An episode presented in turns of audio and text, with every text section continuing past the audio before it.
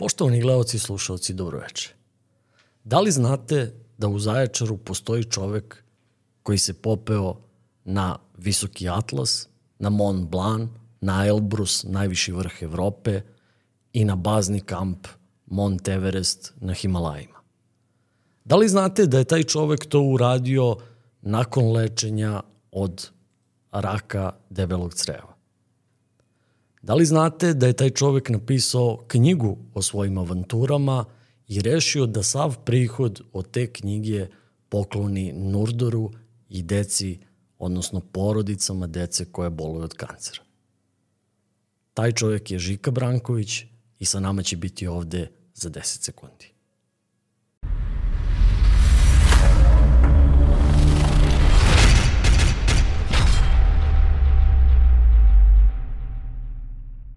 Gospodine Brankoviću, nameste. Namaste. Namaste. Da. Se pravilno kaže. Da, to je tradicionalni nepalski pozdrav kad se sretnu na, na ulici, na putu, bilo gde, onda se kaže, sastave se dlanovi ovako i kaže se blagi naklon, namaste. U prevodu mir s tobom, putniče, namirniče. Tradicionalni pozdrav na Himalajima do kojih ćemo doći, ali pre nego što dođemo do Himalaja, ja bih teo, pošto i u samoj knjizi od ponora do Himalaja kažete da ste rođeni u Novom Sadu, odakle Žika Branković u Zaječaru? Pa, ovaj, to je lepo pitanje.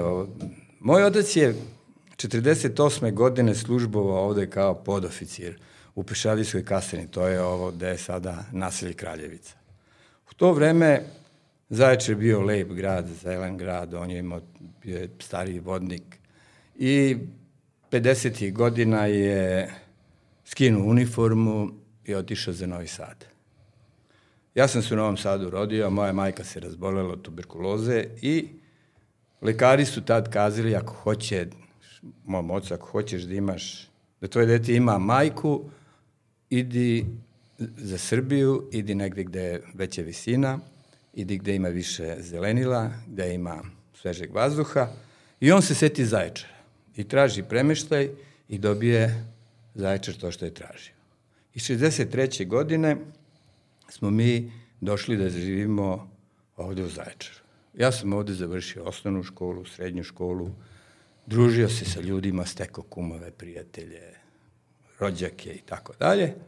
I vezao se za ovaj grad koji je bio prelep, koji je bio ne samo uh, administrativni centar, nego je jednostavno imao svoju dušu, imao je kulturu, imao je dva bioskopa, pozorište, biblioteku, svega i svačega, što više nema.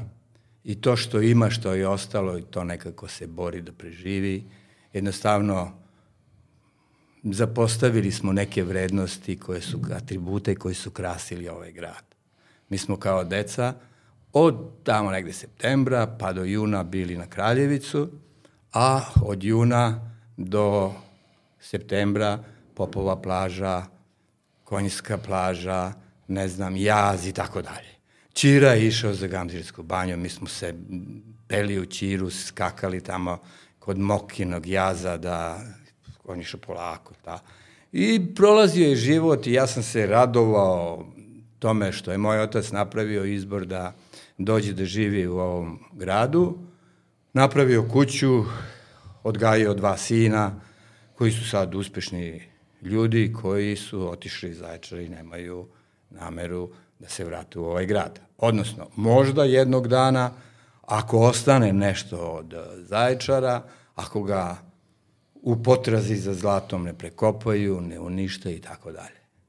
I to je nešto što ja verujem da je a, tamo 60. godina kad je bila kad se razvija ovaj grad, kad su se pravile nove fabrike i tako dalje, što je privuklo veliki broj ljudi. I ne samo kažu došli, ne znam, Kalna, Pirot, ovo, ono, šestigabarci, nigabar, nego došli su ljudi iz Plodne Morave, iz Paraćina, okoline, ljudi koji su radili u kristalu, koji su bili stručnici i tako dalje. I onda je pošlo sve naopako, jednostavno ovaj grad nema perspektivu, mi smo ubili ovaj grad, mi smo ga uništili, mi mu nismo dali da se razvija kako su se razvijeli svi drugi gradovi. Jer kad je trebalo da kažemo dosta, mi nismo rekli dosta, nego smo se, kao i dan dana što imamo. Ali to je neka druga priča, to neka ostane za vas mlade ljude koji ćete vi da rešavate. Ja sam ušao u 70. godinu i smatram da sam dosta uradio i da sam dosta dao za ovaj grad i za, za moj grad i da vi trebate da nastavite mladi ljudi pa da vidite kako će da vam bude. Grad Zaječar definitivno ima, ima problem sa, sa brojem stanovništva i to, to pokazuju i sad ovi popisi, odnosno podaci iz popisa. A, smanjuju se broj ljudi, povećava se starosna granica u gradu, ali nekako je i dalje lep grad za život u njemu. Pa vidite, sad grad Zaječar je pre 20 godina bio u Srbiji jedan od tri grada koji je imao veći broj penzionera nego li što je imao radno aktivnog stanovništva. Sad je već pola Srbije u tom košu. A kako ćemo živeti, ja mogu da vam kažem da neće Zaječar dobro da živi i Zaječarci. Zašto? Smanjio se broj građana. Smanjio se broj pore, obuhvat porezkih obo, obaveznika. Smanjio se broj ljudi koji plaćaju poreze, doprinose, komunalije i tako dalje. Ovaj grad nema, ne može da finansira uličnu rasvetu, ne može da finansira zdravstvenu zaštitu u tom obimu koji je imao. Jer broj građana prati i određene benefite koje ima, koji ti građani imaju. Doći ćemo u situaciju da će da se isključi, evo sad smo smanjili, stavili smo neke čkiljave sjelice koje, eto tako. Tek štedimo. Ima, štedimo, okej. Okay. Ali doći će vreme kad će da se svaka druga sjelica isključi, pa svaka treća. Svaka treća se isključuje, sada već. Jel sad već? Evo, sada to nisam znao. Da. Doći, došli smo u situaciju, ja živim u Svetozar Marković ulici, to je najduža ulica u gradu o, kao, urbana ulica, duža je ova što vodi prema kasarni, ona je do Lubničke raskince, ali nije svuda nase, nema svuda kuće kuće. Ja kad sam bio dete, dva dana su kamioni Kraljevice iznosili smeće. Jedan dan dva kamiona izvezu jednu desnu stranu, drugi dan dva kamiona levu stranu. Danas oni pođu u pola osam tu od trga, u 10 sati su već napravili krug, pokopili smeće. Šta to govori? Moj poštar kaže, ja ubijem se na pešačin se da raznesem deset pisma. Nema ljudi, prazno je. U, u nekim kućima u kojima živi neko, to su uglavnom neki stari građani, bake, deke, neke koje, kad oni umru, ta kuća se zatvara. Kad moja kuća što će jednog dana da se zatvori? Stvarno, moja deca su našla perspektivu negde na drugo mesto i onda ja kažem, pa dobro deco, pa što sam ja 15 godina, 20 godina sam pravio kuću? Od vas sam odvajao. Pa kaže, ali mi ovde ne vidimo našu perspektivu. I tačno je tako. Ja bi bio najveći zločinac kad bi teo sada da na silu nateram ove deca da dođe živo u Zaječar. U lepom gradu. Ali dok će bude ovaka? Šta se dešava sad sa ovim česmom? To je najaktuelnije. Šta se dešava sa, sa zdravstvom? Šta se dešava? Pravimo stadion. Kome pravimo stadion? Gde su deca? Ja sam svakog dana na Kraljevici. Svakog dana leti zimi. Pešačim 80 km. I ja, se, ja sam presrećan kad, recimo, u nekom periodu godine tamo dođu deca na Kraljevicu, pa neki ima, ima dve, tri škole futbala, ovi znate bolje od mene. Pa tamo trče koš, ovi rukometaši, pa ovamo odbojkaši, pa ovamo su atletski klub, ima 5-6 deteta, Boris, ja sam nekada te, trčao tu u tom atletskom klubu. I ovaj, pa sve se to, tamo, život sveta. Ali to je vrlo redko. Malo toga ima i bit će sve manje i manje. Definitivno je činjenica da, da ima manje dece nego, nego što je ikad bilo, a i sa druge strane ovo novo vreme, nove tehnologije, zauzetost roditelja, dosta je malo dece danas je fizički aktivno. A ne, mi smo ušli, mi smo na silu uvedeni u potrošačko društvo. Potrošačko društvo ima svoje koristi, ali ima i štetu. Mora čovjek da radi, jedan, dva, možda i tri posla, da bi mogao da prati sve ono. Potrošačko društvo uvede čoveka u dužničko robstvo, u kredite, kupi kuću, kupi novo auto, kupi ovo, kupi ono, i onda sada kad imaš, izvr, kad imaš banku i izvršioca za vratom, onda tu nema ovako ću ili onako, nema tu slobode. Ti moraš da radiš. Onog trenutka, pa ja, evo, gledajte Amerikance, oni kad ostane bez posla, oni se vešaju, skaču sa zgrade. Zašto? Zna da više nema ni zdravstvenu zaštitu, nema budućnost, nema ovo, nema ono. Mi ulazimo u to. A s druge strane, na zapadu možeš da nađeš tri posla da radiš. Danas završavaš jedan posto, sutra već možeš da nađeš drugi. Ovdje ne možeš. Nema, nema ponude. I tu je problem. I onda ljudi ne smiju da uznu kredit, ljudi ne smiju ovo, ljudi ne smiju ono. Nema slobode. I ja osta pripuštio decu, kupi deci telefon, daj mu kompjuter i ja sam rešio problem. Šta si rešio? Deca su mali ljudi. Tog čoveka treba izvesti na put. 20, 30 godina se dete izvodi dok postane čovek da može sam da živi. A mi nemamo, mi, ja ne vidim sebe kako ću, gde ću za 10 godina. A šta je s vama mladim ljudima? Gde vi vidite sebe za 5, 10, 30 godina? Odvajate sad neke pare, plaćate penzija, doprinose za penziju. A ne znate da li će to da vam se ikada vrati. Pa eto, to je već nesigurnost. Ne znamo da li ćemo ni doći do penzije. Ok, ajde da pričamo. Otišli smo Kažite mi, na pogrešnu stranu. šta ste studirali? Ja sam završio defektologiju i završio sam prava. I prvo sam završio prava i radio sam tako državni posao u Ministarstvu pravde i onda da bih bio uspešan u tom poslu, ja sam paralelno završio i defektologiju, odsek za prevenciju i resocijalizaciju lica sa poremećem u ponašanju.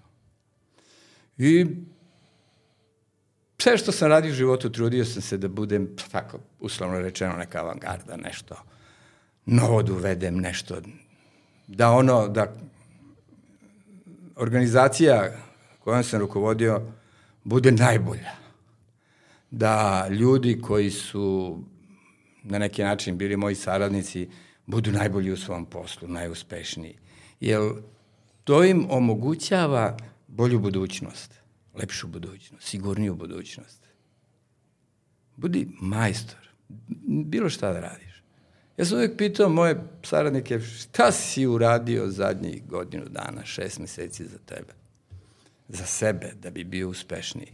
Ti si pročitao nešto, si pronašao nešto u smislu neku novu temu, neku, da, se, da se okupiraš njome, da, da pročitaš neki članak. Sad nije problem i tad nije bilo problem Na internetu ima puno toga, ako ćemo da pričamo o penologiji, o andragogiji, o nekim naukama koje su specifične za izvršenje krivičnih sankcija.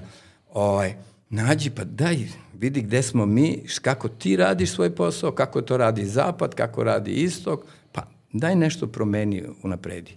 I to je dalo rezultate, ja sam poslom obišao pola Srbije, sam službovao ovde u Zaječaru, pa sam bio u Kruševac, po Negotin, po Čačak, Pa na kraju sam penziju dočekao u Niš. I upoznao puno ljudi, upoznao puno planinara, upoznao Srbiju, upoznao mnogo toga, družio se. I meni je bilo lepo, da vam kažem. Bilo je to neko sretno vreme. A kažete mi iz vašeg iskustva, da li se država dobro sistematski, da li je dobro sistematski postavljena za rehabilitaciju tih ljudi koji koji završe u kaznenim ustanovama ili je to više stvar pojedinaca koji se u tim ustanovama trude da nešto urade? Pa vidite, ja kad sam otišao u penziju, ja sam se trudio da to što sam do tog trenutka radio, da to presečem i da na neki način resetujem sebe. To je bilo, to sam radio, to sam završio. To, toga više neću da se sećam, time neću da se bavim. Prenosno imao neke nagovore da formiram neku nevladinu organizaciju za zaštitu lica, za njihov uh, prihvat po izdržanoj kazni i tako dalje, ja to nisam hteo. Ja sam se opredelio za nešto drugo, ali to nešto drugo mi je pokvarila bolest. I odgovorit ću na naše pitanje time da u vreme kad sam ja odlazio, 66% je bio povratnika u kazneno-popravnim ustanovom u Srbiji. Ja mislim da je sada taj broj veći. To je podatak koji govori da kako radi naš sistem, da to nije dobro. Ali, koji sistem u zemlji Srbiji radi dobro? Jel znate vi? Ja ne. Ne znam ni ja. to je odgovor na naše pitanje. Dobro. E sad da pređemo na one stvari kojim ste, kad ste presekli, hteli da se bavite po odlasku u penziju. Pa vidite, ja sam imao neke svoje planove, recimo. Želeo sam prvo da naučim tamburu da sviram. Ja imam malu primu koja mi je koju su mi deca kupila za 55. rođendan. I hteo sam da pročitam jedno 500 knjiga u to vreme sam imao, koje sam kupovao, ali... Što, što bi amerikanci rekli, napravili ste svoj bucket list. Pa nije baš tako. Kasnije sam napravio svoju listu želja, ali to mi je bilo ono osnovno, premda sam imao ponude neke da se bavim nekim poslovima, ja sam kazao, dobro, ajde da malo prođe neko vreme, pa ću onda da, da vidim šta ću. I dok je prolazilo to vreme, ima nek, jedna anegdota iz mog života, ja nisam imao u Zaječaru zdravstveni karton, nisam imao, imao sam zdravstvenu knjižicu, ali nisam imao izabranog lekara. E, pošto su moji roditelji bili u železničkoj ambulanti, ja jednog dana, da bi mogao da dobijem zdravstvenu knjižicu ovde u Zaječaru, morao sam da imam izabranog lekara. I odem kod neke doktorke, tamo jako divne doktorke, Bobe, I kažem, ja sam taj i taj, moji roditelji su bili vaši pacijenti, pošto ste vi porodični lekar, ja bih hteo da budete i moj lekar, izabrani lekar i ovo. Ona meni kaže, ba ne, mojte, kaže, pa ja sam, imam 2000 ljudi na spisku, ne mogu preko toga, to je neki valjda limitirajući faktor koji... Ali nema se. I nekako ja kažem, ma dobro, doktorka, meni treba ovo da dobijem knjižicu, pentram se po planina, možda negde se slomim, da, da, da, da ne plaćam zdravstveno ovaj, pomoć i tako da. I ja sam inače zdrav čovjek, vidite da nemam ni kartonova. Kaže ona, dobro. I to se desi negde u septembru, u, u krajem oktobra. To je koje godine u pitanju? To je 2013. krajem oktobra. Odvedem ja mog tasta kod uh, doktor Narodović, inače Narodović je moj školski drug, jedan divan čovjek. Odvedem ja kod njega, trebalo me neka pomoć i ovaj, poželim se ja njemu da imam neke tegobe, on me poregleda, dođi sutra, sutra dan ja dođem, kaže on, uzne mi isečak, kaže, ajde sad tu malo da odmoriš, pa dođi kod mene, pa tako ležimo u onu dnevnu bolnicu, on pričamo, evociram uspomena iz mladosti, škole, iz ovoga, iz onoga šta smo sve radili. Dođe sestra, kaže, doktor, stigo je rezultat, ode doktor, dođe, on pozeleneo, vidim ja da nešto nije u redu, kaže, imamo problem, da skratim priču, kancer. Pa kao, kancer, bog te, ja zdrav čovjek, nikad nisam bolovao, nemam kartu, nemam ništa, sad odjednom imam najtežu bolest. Pa gde je tu logika, gde je pravda, Bože, gde si, šta se desilo, da. I ovaj, Izađem ja iz bolnice, ne znam gde je izlaz, mislim, to je jedan šok, pogotovo što tu bolest, kancer je stvarno smrtonosna, najteža bolest. Mala digresija. Godišnje oboli 40.000 Srba od, kancer, od raznoraznih kancera. Neki kažu 20, da smo u stanju epidemije, što se Da, 20.000 ljudi umre. 4.000 umre godišnje, mislim, nisu to oni, dva, oni 40 u toj godini, ali to su statistički podaci 4000 ljudi umre od raka debelog creva. Mi svaki prosečno, svaki pismeni građanin otprilike zna šta je kancer, šta je rak, narodski rečeno. I, ovaj, I sad ja opterećen tim predrasudima da je smrtonosna bolest, da se umiru u teškim mukama, da ovo... Nađem sebe da se zavučimo jedan ćošak i ćutim, ne pričam nikome šta me snašlo. Posle 7 dana kažem sebi, čekaj, gde to vodi? On napreduje, osvaja tvoje telo, ubićete, ti si to... Povukli ste su sebe. Ćutiš, ne prični. I onda ja krenem i uspem da dođem do pokojnog Zorana Krivokapića, on je nedavno umro, jedan divan čovek, tu u knjizi ja njega pominjem i zahvaljujem mu se. Ima dosta zaječaraca kojima je on pomogao. Jeste. I ja sam, dosta ljudi je od mene tražilo kontakt, telefon i kako da dođi do njega. On je vrhunski, svetski stručnjak je bio za bolesti debelog crijeva. I došao sam do njega, čovjek me pregleda i kaže, nije to ništa. Kako nije ništa, čoveče. O, ka, ma to nije ništa, mi ćemo to da, da otrujemo, spržimo, spalimo, izvadimo. Završeno. Dođi u četvrtak na konziliju. Pa, tako dati nadu.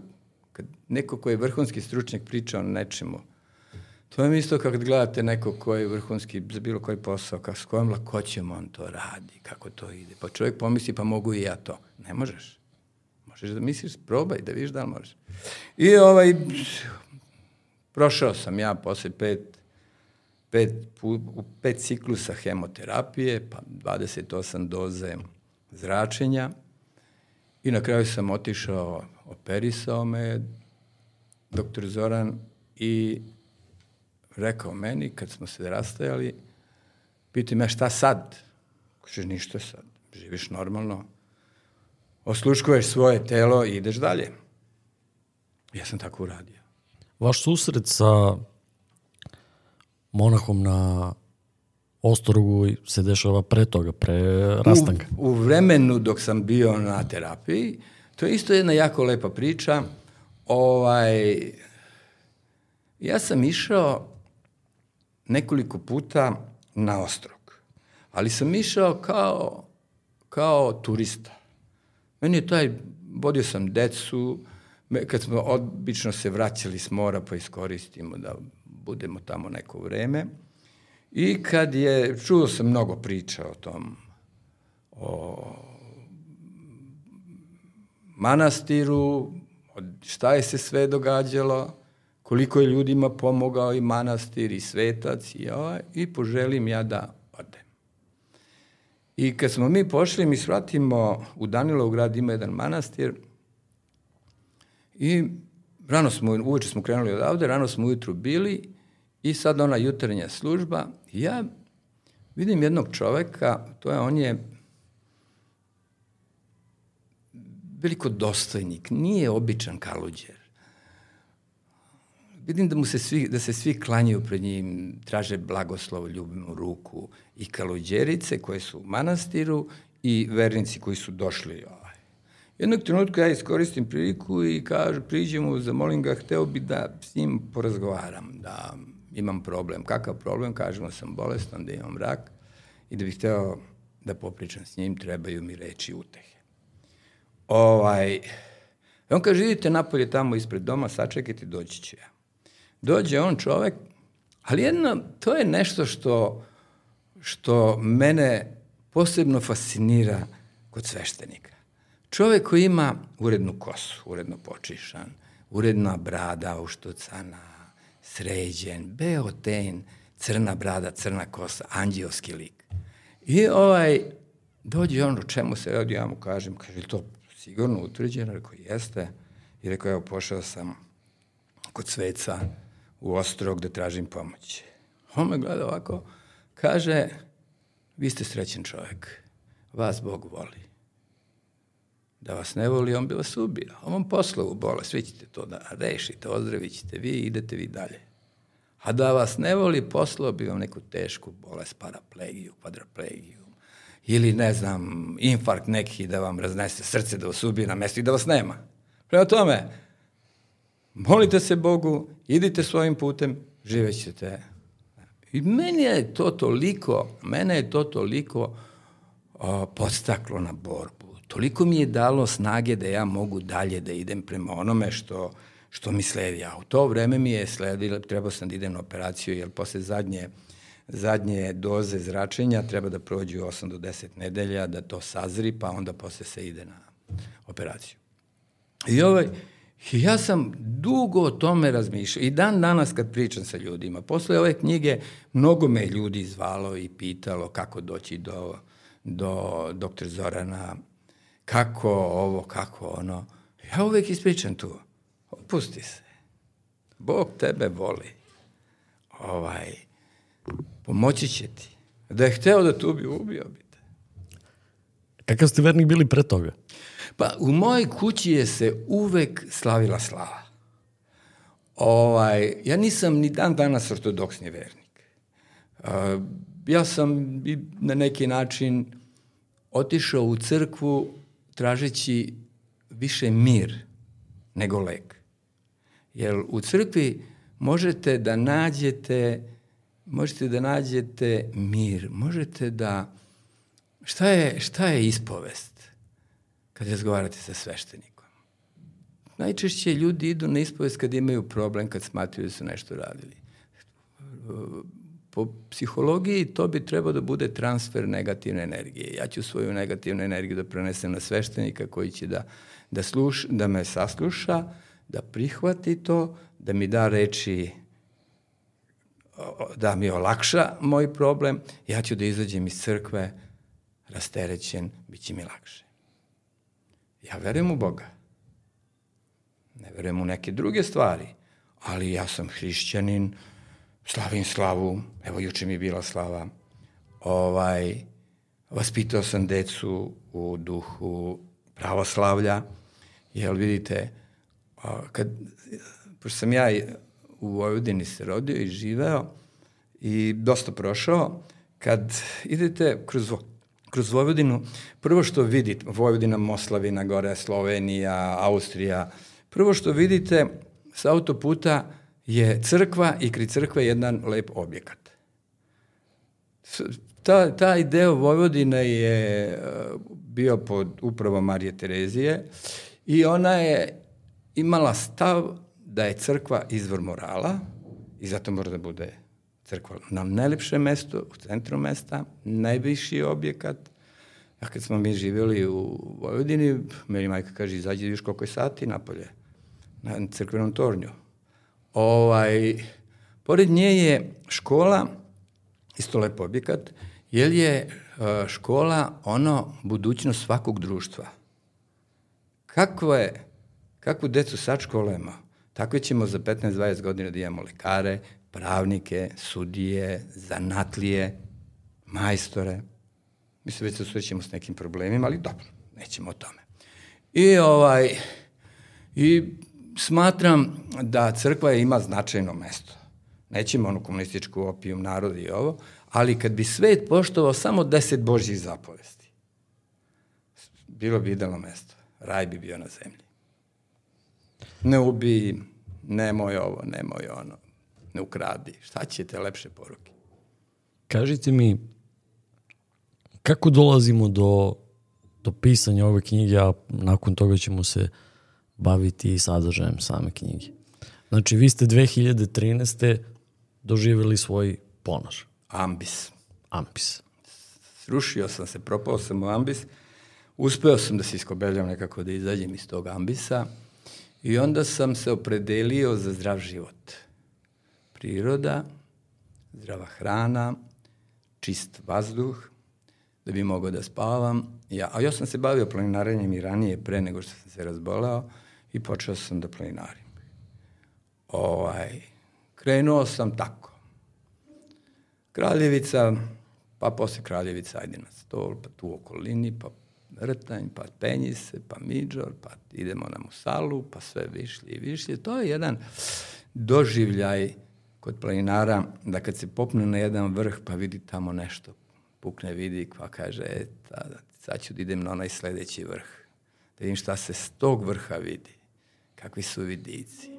Pa onda išao tako, pa sam otišao na Mont Blanc, otišao, popeo sam se na Gran Paradiso, Jednog dana sam kazao ja ću da idem na Elbrus. Elbrus je najviši vrh Evrope. Učili smo u školu da je to Mont Blanc, međutim ovim pretumbancijama, ovo što se dešava, granice se pomeraju, Kavkaz je došao zapao Evropi Elbrus kao najviši vrh Kavkaza je najviši vrh Evrope. I onda jednog dana sam ja kazao, ja ću da idem, svi su me pogledali ovako, tećeš ti čoveče. Ja kažem, ja hoću da idem i otići ću. I to je sad ono, doktor Jovino, treba hteti, treba smeti, pa da vidiš kud se leti. I jednog dana sam otišao, svi su drhtali kako će, šta će. Ali kažite mi, koliko vremena traju pripreme za, za takvu jednu ekspediciju? Pa, ja sam stvarno u pripremama. Svaki dan? I sad sam u pripremama i sad se spremam. Gde ću? Ne znam. Hoću da idem negde? Ne znam, ali spremam se, ići ću negde, ne znam gde. Ovaj, imam puno želja. Mene to drži, meni to daje nadu, to mi daje snagu, to mi daje volju. Ta mentalna snaga je vrlo važna. Ima puno ljudi koji su mnogo jači od mene i zdravi sposobni šta god. U svakom pogledu. Ali ne želi. Šta ću ja, što sad se penjem na ovo? Ja znam mnogo ljudi, recimo, koji žive u Boljevcu, nikad se nisu popali na rtne. I kad pričaš s njim, šta ću, pa eno ga, onda šta ću ja? Ti ja se isto nisam popao. Evo. A ja sam taj rtanje ja posebno volim i ja ne znam koliko se puta peo. Kad nemam gde, ja idem na rtanje. Ovaj, u mom komšiluku živela je neka babadara koja je svaku popodne negde tamo oko 5 sati izađe na pola ulice ili na kraju Svetozara Marković ulice je rtanj, vidi se. Da. I ovaj, svako popodne izađe, pogleda gore na rtanj i kaže sutra će da bude tako i tako vreme. I ovaj, to je meni od, tako ostalo, znači od dečaštva i to je stvarno jedna lepa, fascinantna planina koja se vidi iz skoro cele Srbije. I tako jedan dobar orijentir za gde je moj dom, gde je moj zavičaj. Kad na neku drugu planinu ode čovek i pogleda, kaže, aha, eno ga rtanj, e, tamo je moj zavičaj. U podnožnju rtnje. I ovaj, ja sam krenuo onda da, to mi je tako koristilo, odem na planinu, kad se vratim prašnjav nikakav, moj komši je tu neki koji kaže, ja, vidi ga, on se napatio. Ma nisam se napatio, ljudi. Ja sam prašnjav, ja sam... U Zaječaru inače postoje dva udruženja. U, postoje puno. Puno? Puno, malo ja, planinara, dva. puno. Ovaj, I meni su pluća puna čistog vazduha. Oči su mi pune lepih slika. To je bogatstvo. Poslije toga ja skinem na pršinu, okupam se i legnem da spavam. Taj fizički umor ume da nadlada psihički umor, sve ovo što nam se dešava. Ja srećem mnogo ljudi na planini i osluškujem kad oni pričaju i čuješ neko kaže ala sam danas napunio baterije, sad ću naredni nekoliko dana. To je ozbiljna, ob, ozbiljna tvrdnja. Čovjek koji kaže idem da napunim baterije, on ima ozbiljan problem. I dobro je što je našao mesto gde će da se osveži na planini. I tako sam ja krenuo i eto. Meni je to skijanje recimo, ne, ne planinarenje. Pa i to je planina. Jeste. Haj sad, vi se popnete žicom na neku visinu pa se spustite. Mi se spuštamo. Da, ali je i to nešto. I tu čovek se ismrzne i oznoji i nadiše vazduha i bude mu lepo umori i na kraju dana mu bude jako lepo. Krećete na Elbrus. Pa, Elbrus je stratovulkan prekriven snegom 5167 metara. Moj prvi susret sa planinom preko 5000 metara. Jer pre toga sam bio na nekim planinama preko 4000 metara, ali je ovo bio prva planina koju sam pohodio koja je više od te magične visine 5000 metara. I ovaj, vidoh Rusiju, jednog dana krenu smo na istok, dođo smo u podnožje, sve to bude jako lepo, pogotovo za nas koji živimo na 130 metara nadmorske visine na kojoj se nalazi Zaječar. Ovaj, ti onda vidiš gradosije od 5000 metara ispred sebe prikriveno snegom. I polako, polako popnem se ja na na, ovaj, na Elbrus. 17 sati je uspon inače trajao. Od momenta kad smo izašli iz doma do momenta kad smo se vratili u dom. I bilo je uspešno. Bili ste na ivicama kad, kad, kad se radi o, o izdržljivosti. Pa i jeste, to je, prvo meni je to bio prvi susret sa visinskom bolešću. Ja nisam imao nikada do tada problem. Na Elbrusu mi je bio prvi susret kad čovek misli ne mogu više. Došao sam do 5000 metara, to je naklimatizacijni uspon, neke pastuhine stene I kažem ja, ja ne mogu više. Osetim, gotov sam. Pa onda kažem, hajde još malo, hajde još malo i izađemo mi na 5000 metara, pa se vratimo u dom na 4000 metara, pa budemo ceo dan slobodni.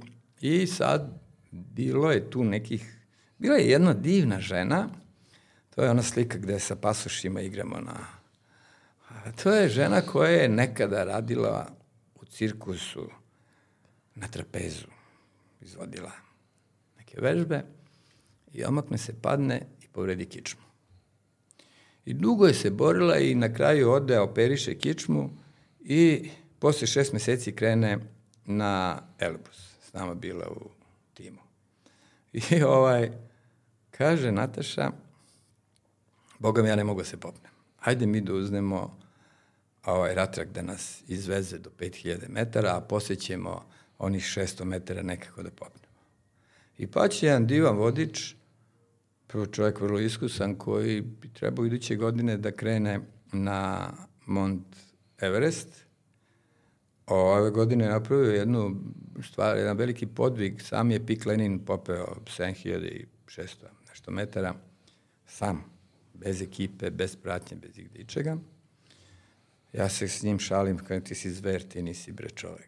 Pa isto meni jezivo izgleda i ovo što, što idete na 5000, da. kamoli na... I, ovaj, I on kaže, ma nemojte, ratra, kaže, idemo mi ovako polako, pa ćemo mi da izađemo, pravit ćemo duže pauze, pa i tako i bi.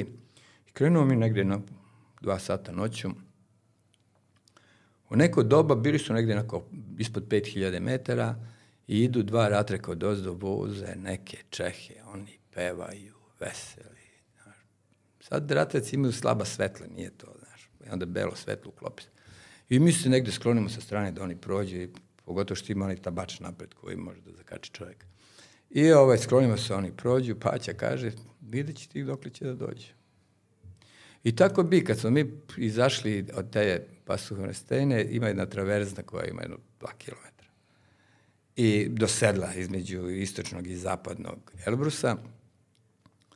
Oni pola popadali koji gde, neki se vraćaju nazad. Nema vazduha. To je veliki problem. I ne, ako se ne uradi dobra aklimatizacija, da se pripremi organizam, da se pripremi telo za, borav, za boravak takvim uslovima, onda može da bude vrlo pogubno, može smrtne posledice da nastupe popenjača. I, ovaj, I mi smo se tako uspešno popeli i polako se išli. Sad kad se vratimo tu ispod tih, negde na 4900 metri ispod tih stena, popodne dođu Rusi sa motornim sankama i čekaju ove koji silaze od ozgo da, vraću. da ih spuste do, do doma. I to traže neki, ne znam, 30 evra. I bila je neka žena iz Novog Sada sa mnom i ona kaže, ajde da uzmemo. Kažem, neću. Ja ću da platim, ne radi se o plaćanju. Neću da pokvarim zadovoljstvo. Da me sada spuštaju sankama kad sam popeo i već smo, a vidi se tako dom, ali treba doći do njega. To je sve tako na planini, blizo, kratko, nisko, u stvari sve oko laže srce. Srce pobedi racio i onda sve izgleda drugačije. I kažete da ste najlepše spavali tu noć? Jeste. Kako sam došao, Rus, neki koji je u tom domu tamo domar, on nas je dočekao s jednim loncem supe. Vruća supa, pileća supa, celo pile stavio. E, kako se to kuva na tim visinama, tamo nema vode, nema ovaj, plin, skupe sneg, stave u, ovaj, u lonaz, ubaci on, neke zamrznuto pile, mi kusali onu... Ali najslađi na svetu. Najslađi, kako, ko pokusa, tako padne, legne i nema ga do ujutru. Ali to su neki lepe, lepe uspomene. Tu se sretnu ljudi, evo ja sam išao do sad u jedno četiri, pet tih timova, ekspedicija, avantura, akcija, kako hoćete. Ovaj, gde se na početku sretnu neki, jedna grupa nepoznatih ljudi. Evo sad kad sam išao u Iran, mi smo se skupili na aerodrom, došlo je njih četvoro iz Hrvatske, četvoro iz uh, Makedonije i nas troje iz Srbije. I ovaj, niko nikog ne poznaje. Tu smo se na aerodromu poznali. Posle deset dana kad smo se rastajali, mi smo postali kao rod rođeni. Mislim, nije, mi više nismo prijatelji, mi smo rođaci. Mi se čujemo svakodnevno, mi se družimo, mi pravimo planove gde ćemo iduće godine kad počne nova planinarska sezona. Ja me, sam poše, posebno oduševljen tim ljudima zbog toga što sam ja najstariji. I ovaj, ja kad kažem koliko imam godina, oni se na početku, oni se malo ovako zabrinu, pa šta ćemo, pa kako ćemo, pa da li će on moći. A ja se samo trudim da ne budem najslabija karika, da ne budem kočnica da drži, da neko zbog mene mora da se smrzava. Jer znate, kad se penjete na, u sneg, u led, organizam, mi se lepo obučimo, ali se oznoji čovek. Da, na Elbrusu je baš bilo e, situacije da, da vam pa je jedan planinar zaostao pa su ga vraćali dole. Pa jeste. Ovaj, to je neki Dejan iz Paraćina, isto divan momak, ali jednostavno nije mogao. Znaš, nama je od grupe koja je išla, troje, troje četvoro nisu popeli Elbrus. Sad na, na Elbrusu kad smo bili, nestao je Amerikanac jedan, da. koga su tražili helikopterima, čudesima, i mi smo otišli, nisu ga našli. Sad kad sam bio na Damavan, troje je poginulo u, u, u tri dana dok smo mi bili na visinskom, u visinskom kampu. Opasan sport. Pa jeste. Uh, recimo, ja sad pišem ovu knjigu novu i tu analiziram šta se to dešava. Recimo, Damavand je, te visoke planine su pre svega svete planine. Ono što je Olimp za Grke, to je Damavan za, za Irance, za Persijce. To, to su je, Himalaji za ne, Nepalce. Da, da. To, su, to je Ararat za Turke, za Kurde. I ovaj... Andi za Peruance da, i tako dalje. I Fuji za Japance i da ne nabrajamo. I šta se dešava? I sad, uh, posebno je interesantna ova planina Damavand, jer u podnožju prvi bazni logor je džamija koja je prikrivena zlatnim krovom i sad kad ogreje sunce, onaj osjećaj, gore vrh, se vidi, to bude jako lepa slika. Iran ima 80 miliona stanovnika, a 70 miliona penjača, 70 miliona ljudi koji hoće da se popne na, na svetu planinu. Jer oni, veliki broj ljudi ide na poklonjenje I onda se dešavaju, nespremni ljudi krenu, dešava se. Jedno je želja, želim, ali šta mogu? To treba, to treba čovjek u životu da izbalansira. Da zna komu, Mentalnu snagu i fizičku snagu. Jedno je što ja želim, a šta mogu? Ili šta mogu, a šta želim? I kad je to u nekom balansu, kad se to poravnja ovako, onda je čovjek uspešan u svemu, u svakom poslu, u životu, u sportu. Ali treba tu naći sebe, šta mogu, i neće da bude problem.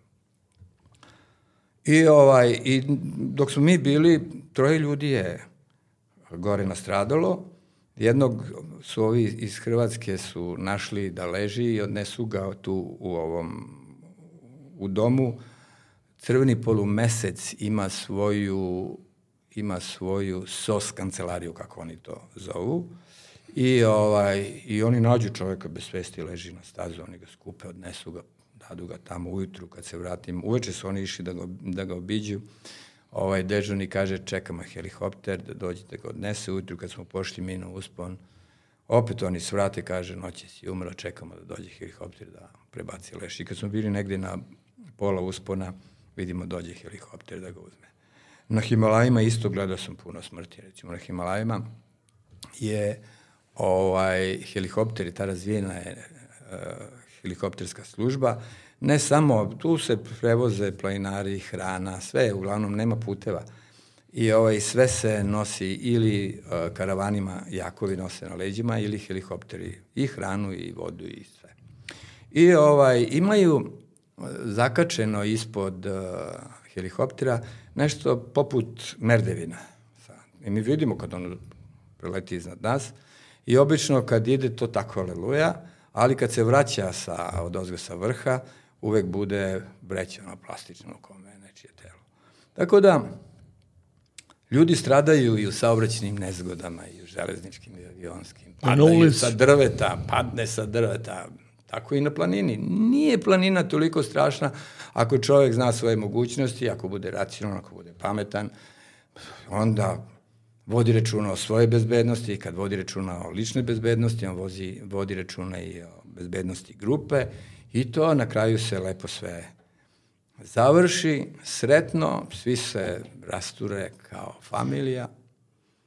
Kažite mi kako ste došli na ideju da, da penjete Himalaje? to je onako interesantna priča. Ja sam nekoliko puta bio na Triglav, sad ne sećam se tačno kad. Uglavnom, uveče se sedi u domu, ljudi se upoznaju, pričaju, razmenjuju iskustva. Ovaj, I sluša se neku priču, Slovenci kažu da bi bio uspešan planinar. Treba se popeti na, mora se popeti na Triglav, na Mont Blanc i slikati ispod Mont Everesta, kao najviše planine na svetu, najviši vrh. I ja sam to tako čuo i to mi je bilo baš onako um, izazovno. Bio sam na Triglav, bio sam na Mont Blanc, e, hoću da idem na Himalaje. I ta knjiga koja je pred vama, ona je trebala da nosi naslov od ponora do, do ovoga, do Elbrusa. Dok nisu došli da. Himalaje. A onda su, onda su, je došla ta ideja da se penjemo na Himalaje i jednog dana se organizujemo i krenemo. Nađemo neku agenciju u Nepalu koja je bila naš domaćin. Samo sekundu, pre toga ste bili i na Mont Blancu, bili ste, bili ste i u Maroku. Jesam. Kakav je Marakeš? Pa Marakeš je lep grad, pustinski grad. Ovaj, vrlo interesantan grad. Ima jedan trg robova, tako se zove, koji je jedno pet puta veći nego ovaj naš ovde u gradu i koji ima svoj život. Tu od ranog jutra se pojavljuju neke grupe svirači, pevači, ljudi sa majmunima, sa zmijama, kobrama, ne pitaj. I to sve živi negde do 5-6 sati popodne i odjednom se pojav, ovi se povlače, pojavljuju se neki sa prikolicama, kolicima, to vuku, prave tezge, počinju da spremaju hranu, tu su preko uveče i do koje doba noći u restorani, kafanice, sve montažno-demontažno. Tu se onda odvija jedna druga vrsta života, to je zabava. To. A inače, taj trg robova dobio je ime po tome što je nekada u doba kralja tu su se izvršavale kazne. I na tom trgu su morali da prisustuju svi građani Marakeša. I onda, ne znam, bilo je propisano za određeno krivično delo, određena kazna. Nekom seci ruku, prevarante žigoši u čelo da ovi znaju građani kad ga sretnu da imaju posle sa prevarantom. Slično I, kao Dušanov zakonje. Pa, otprilike, to je, to je to vreme. I ovaj, to su morali svi da gledaju, svi da prisustuju tim izricanjima kazne. I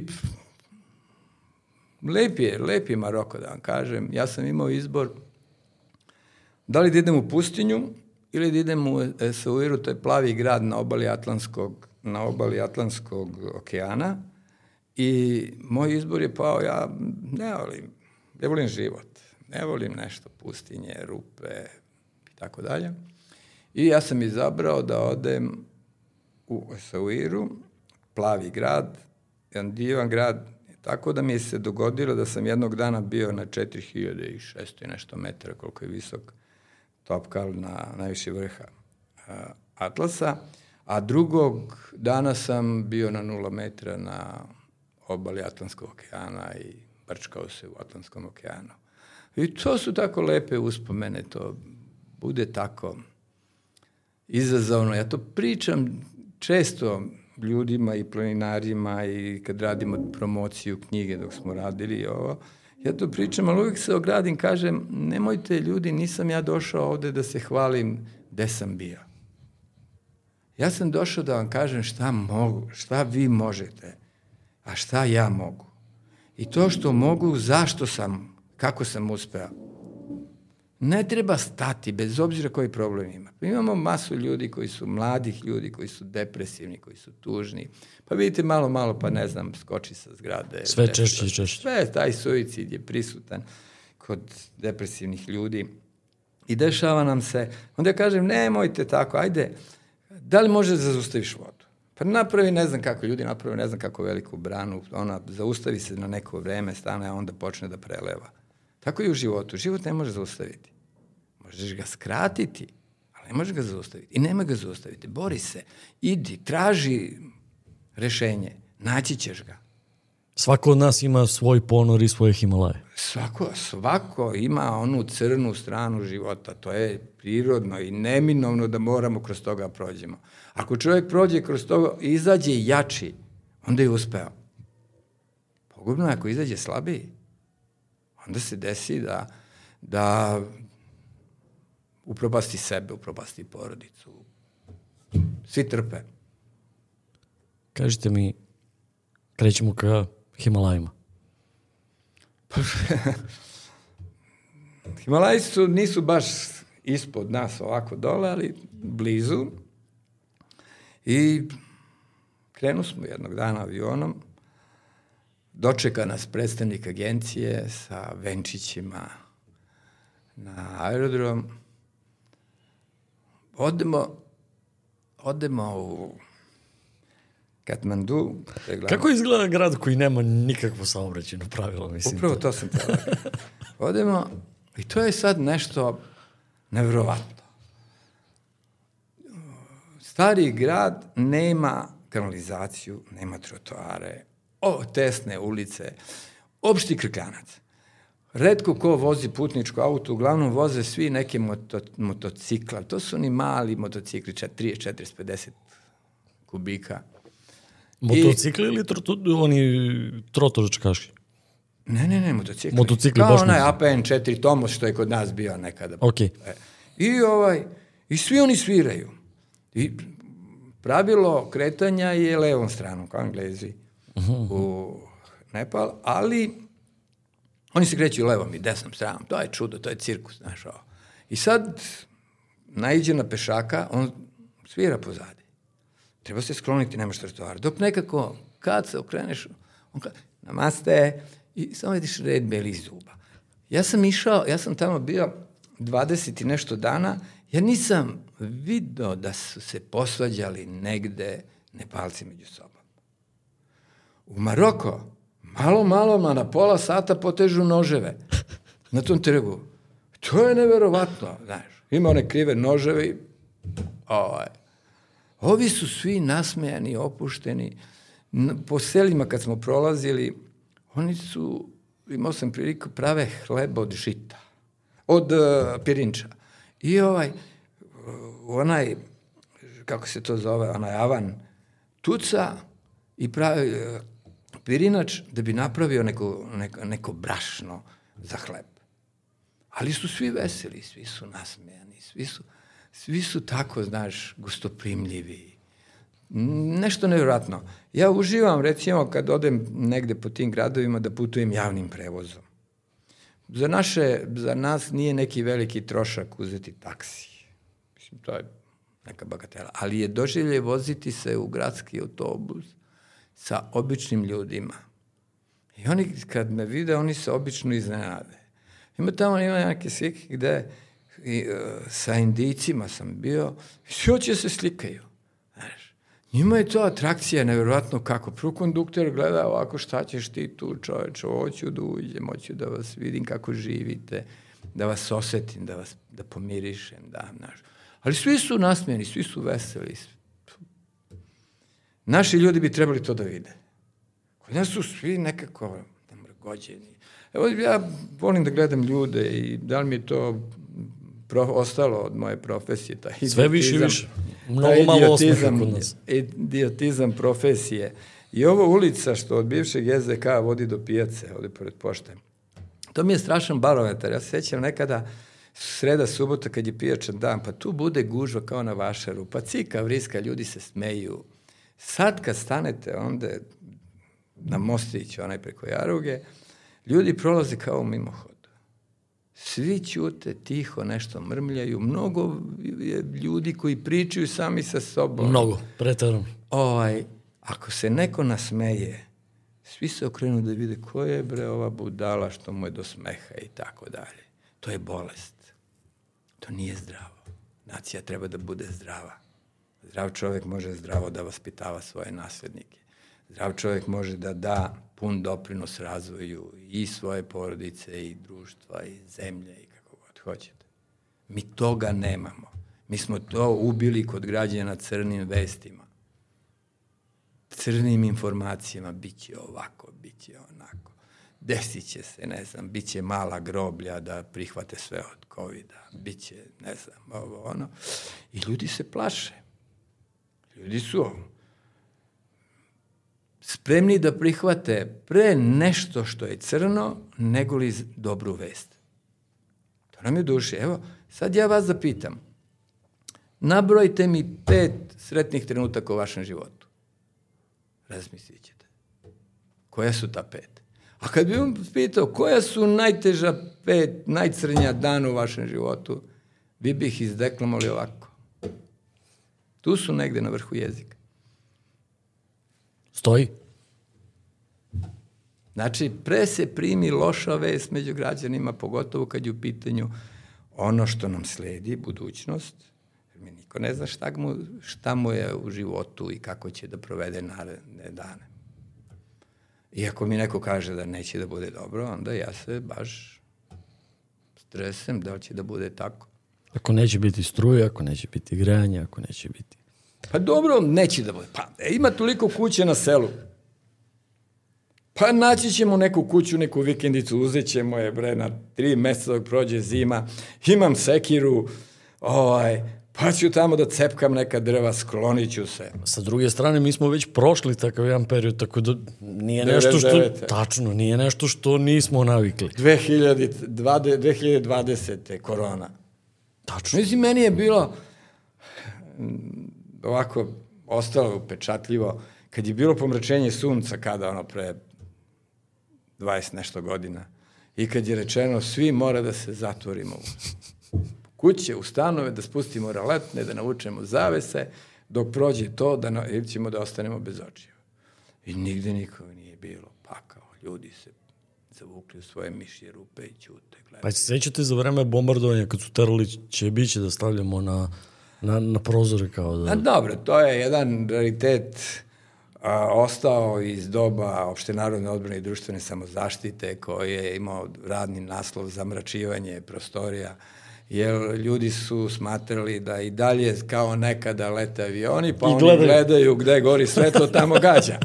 A, a u stvari to je prevaziđeno vreme, ovaj sada sedi negde u neku če, zamračenu sobu i gleda na monitor. Meni Ma sad, sad smo da. došli do toga da... da Joystick, joystick. Pa da, pa da, ali dobro, neka. I to smo preživeli. Jesmo. Da se vratimo na, na Himalaje. I ovaj, Posle Katmandua, pa posle Katmandua treba leteti avionom i sleteti na najopasniji aerodrom. da.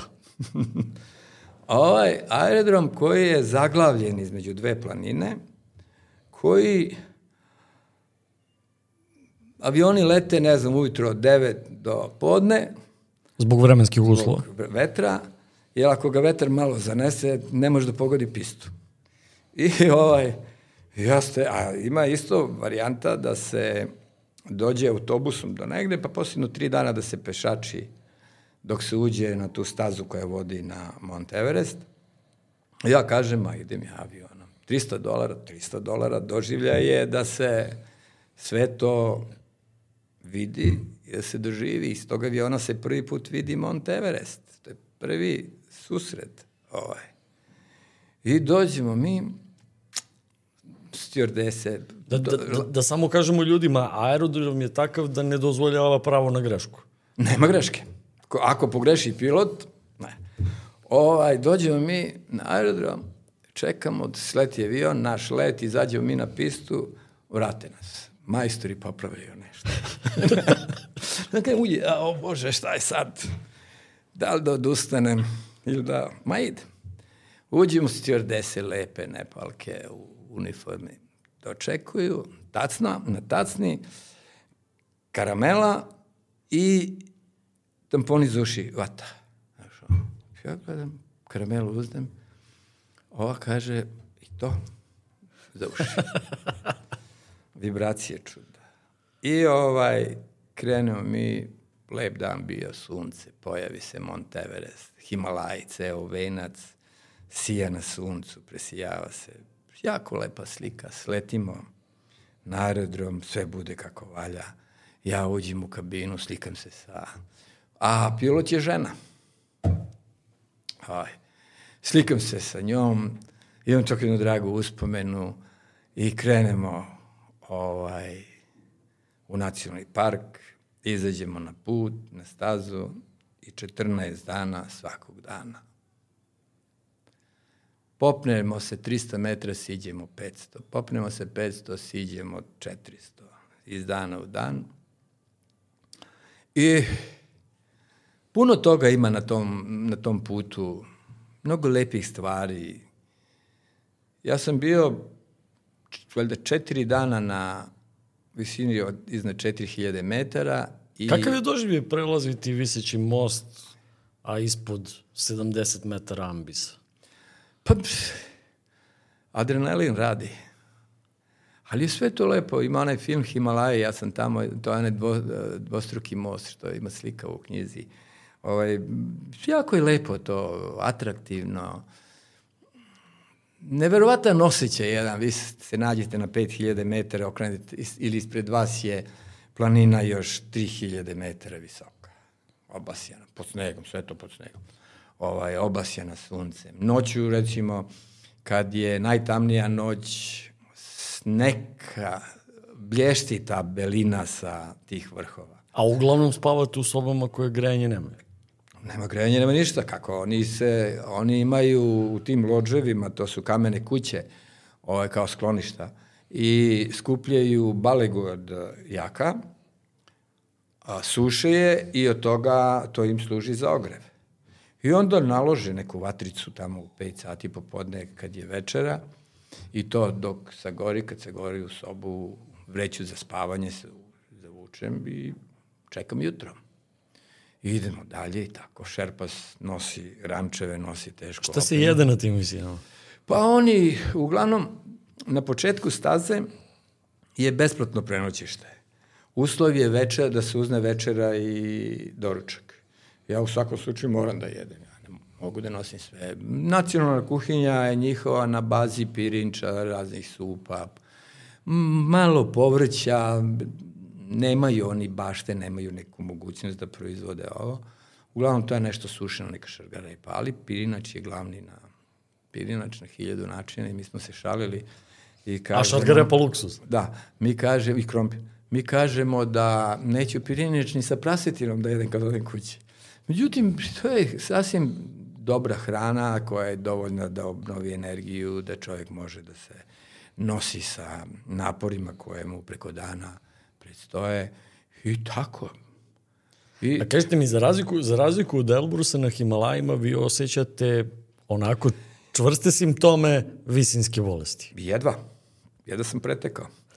Ove, ovaj, mi smo imali jednog mladog šerpasa koji je nama bio šerpas, znači čovjek koji nosi teške rančeve i koji je bio vodič.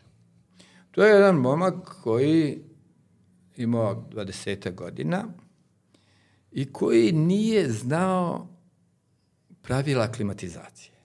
Uh -huh. I on je non stop nama bežao.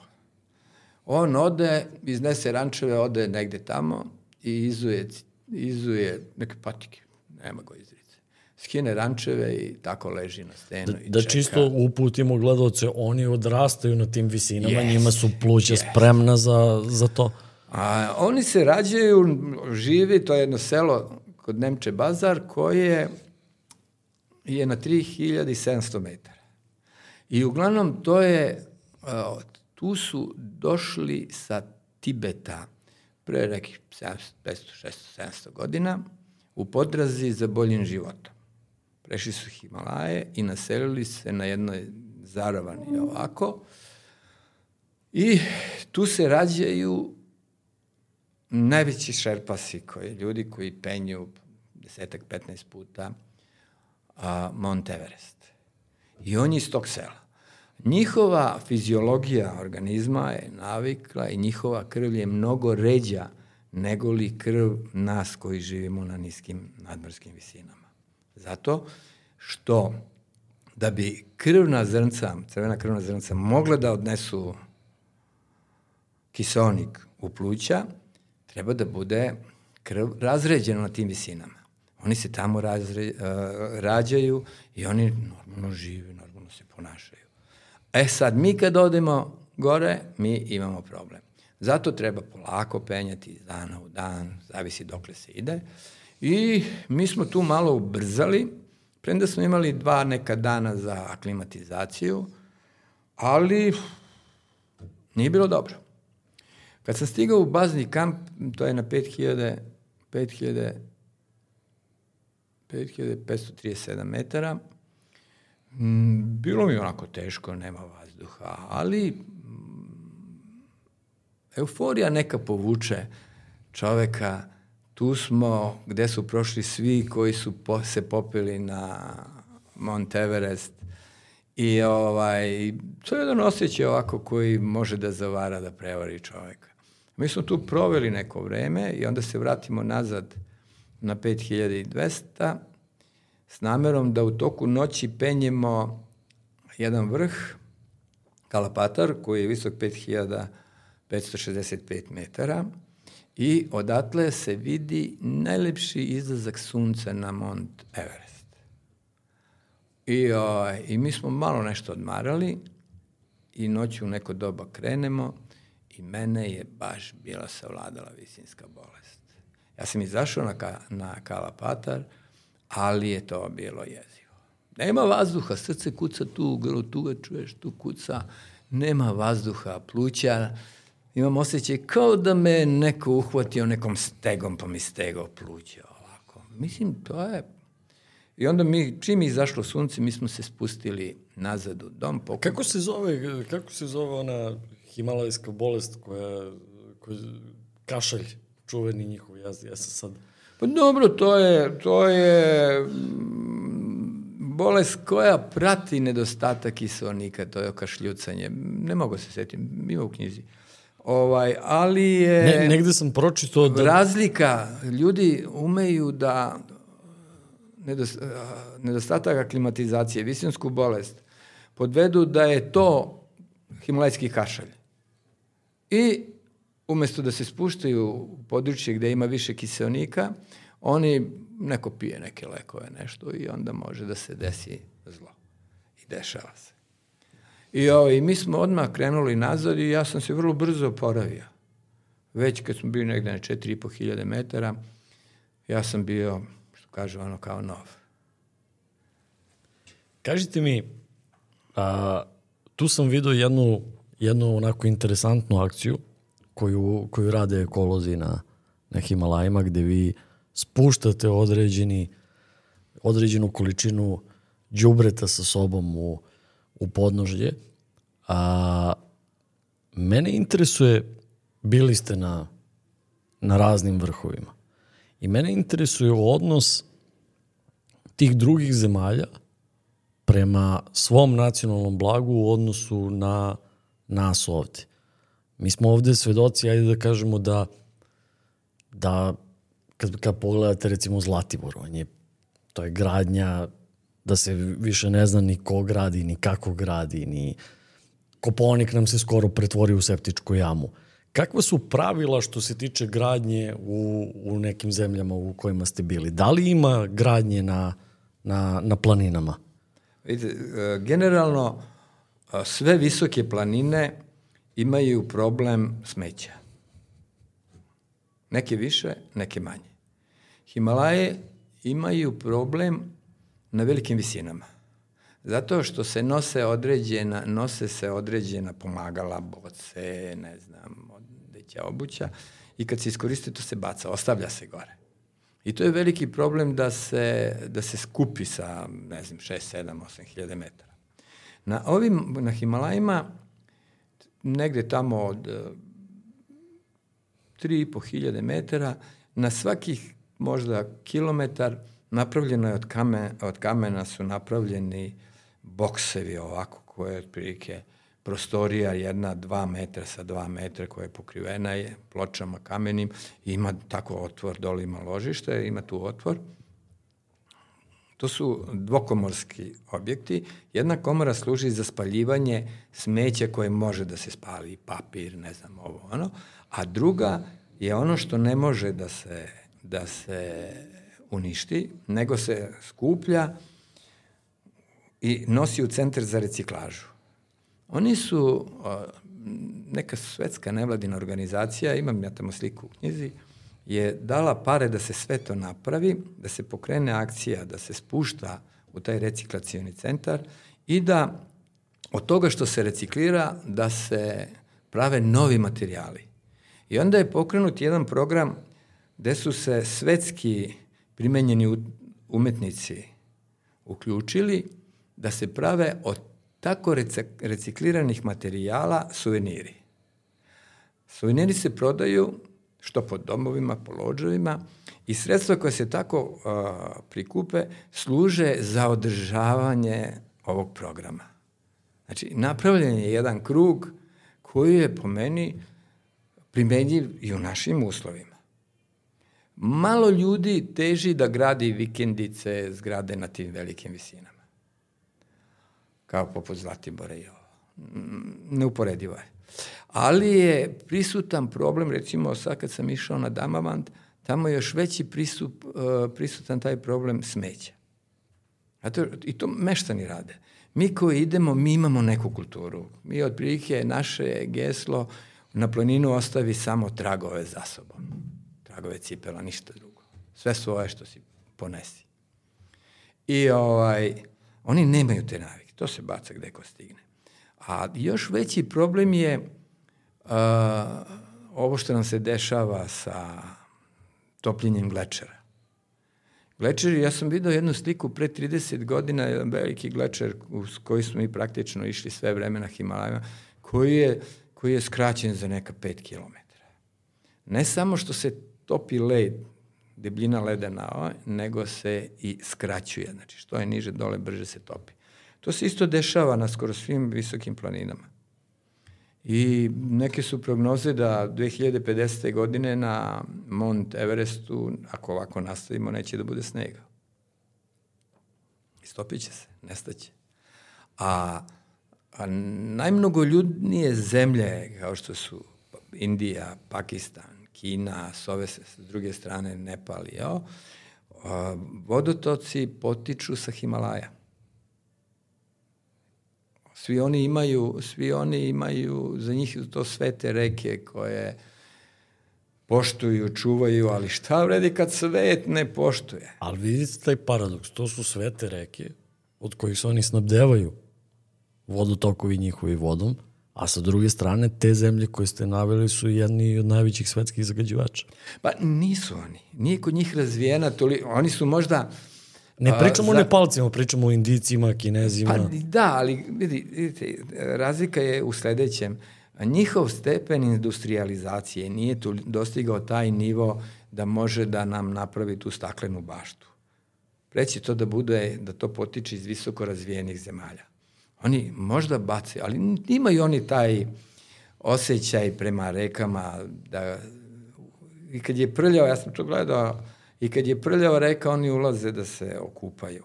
Nije to da skine tu fizičku prljavštinu koliko, ne znam, duhovnu ili neku drugu. Kare, kupao sam se, bio sam u, u ovaj, u, ušao sam u svetu reku.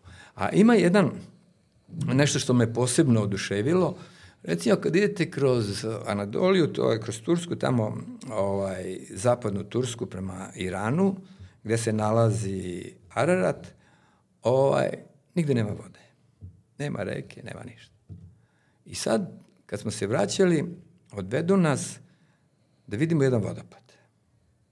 Vodopad koji otprilike tako ima jedno dvadesetak metara, ima neka 5-6 mesta gde se spusta voda, koja izlazi negde tu u blizini. I ovaj, gledao sam kako se Turci odnose prema meštani. Njima je to sveto mesto. To je atrakcija za njih. Oni ovaj, dolaze tu kad, se, kad je svadba. Svatovi da se, da operu noge. S koliko poštovanja se oni odnose prema toj vodi, to je neverovatno. Ja kažem, kad bi oni videli naše vodopade na staroj planini, pa ja ne znam šta bi uradili. A mi to tako se odnosimo prema tom bogatstvu. Pa to je dragulj. A mi smo na staroj planini pokušali u cevi da stavimo te vode. Pa i uspeli su, nešto su i uradili. Imate, ona je već gore, ima nekoliko, kad idete prema Babinom zubu gore, imate već valjda dve, ako se ne varam, mini elektrane koje rade punom snagom i tako dalje. I ovaj, nešto smo uspeli privremeno da uradimo u topli do, da tamo zaustavimo, ali pitanje šta će i kako će. Kakav je odnos planinara? Evo recimo sad imamo aktualan problem starice u Majdanpeku. Pa, Planinarskog da, saveza. Da li postoji ta korelacija? Da li planinari stoje složno jedni uz druge kad su takve neke akcije u pitanju? Pa jedna stvar u koju sam se ja, koja me duboko razočarala kad je u pitanju Planinarski savez, to je da kad su ljudi pokretali borbu da se spreči stavljanje reka u cevi na staroj planini, Planinarski savez se nije tu pojavio. Kad je držan ekološki protest ispred Skupštine, Planinarski savez se tu nije pojavio. Kad je počela da se ruši kod Paraćina ima jedna planina, Baba se zove, koja je vrlo simpatična planina i tu su uzeli ovi... Za kamenolom. Za kamenolom i to valjda kinezi ruše. Za ovaj autoput koji treba da ide do, do Kraljeva tamo, ovaj, planinari lokalni su se pobunili, niko ih nije podržao. Podržali ih je Jagodina, ne znam, društva tu iz okoline i to je propalo. Izgubila se ta energija posle nekog vremena kad nemaš podršku. E sad je se, kad je, bab, kad je starica u pitanju, starica je, ja sam se peo na tu nekoliko puta, jedna vrlo lepa planina. Nije ona nešto posebno viseka, ali je meni atraktivna zato što kad se popne čovek na vrh, može da vidi s jedne strane raj, kako izgleda raj, i s druge strane kako izgleda pakao. Od prilike scenu iz Pobesnalog Maksa. Pa tako nešto. Jel imate onu stranu tamo, Donji Milanovac, Dunav, zelena, lepa. A ova strana ovamo gde je Majdanpek, gde je površinski kop, sve je to žuto, šta je ono, kako izgleda ono nešto tako. Nema rastinja, nema ništa. Ima ona pustinja njihova. Pa, apokalipsa. Da. I ja sam stalno pričao, evo vidite, ovako izgleda raj, ovako izgleda pakao, ajde nešto da uradimo da. E onda je sad nekome palo na pamet, ajde taj vidikovac, odakle se ljudi mogli da prave razlike između rada i pakao, ajde njega da srušimo. Onda nema problema. E, I onda nema problema.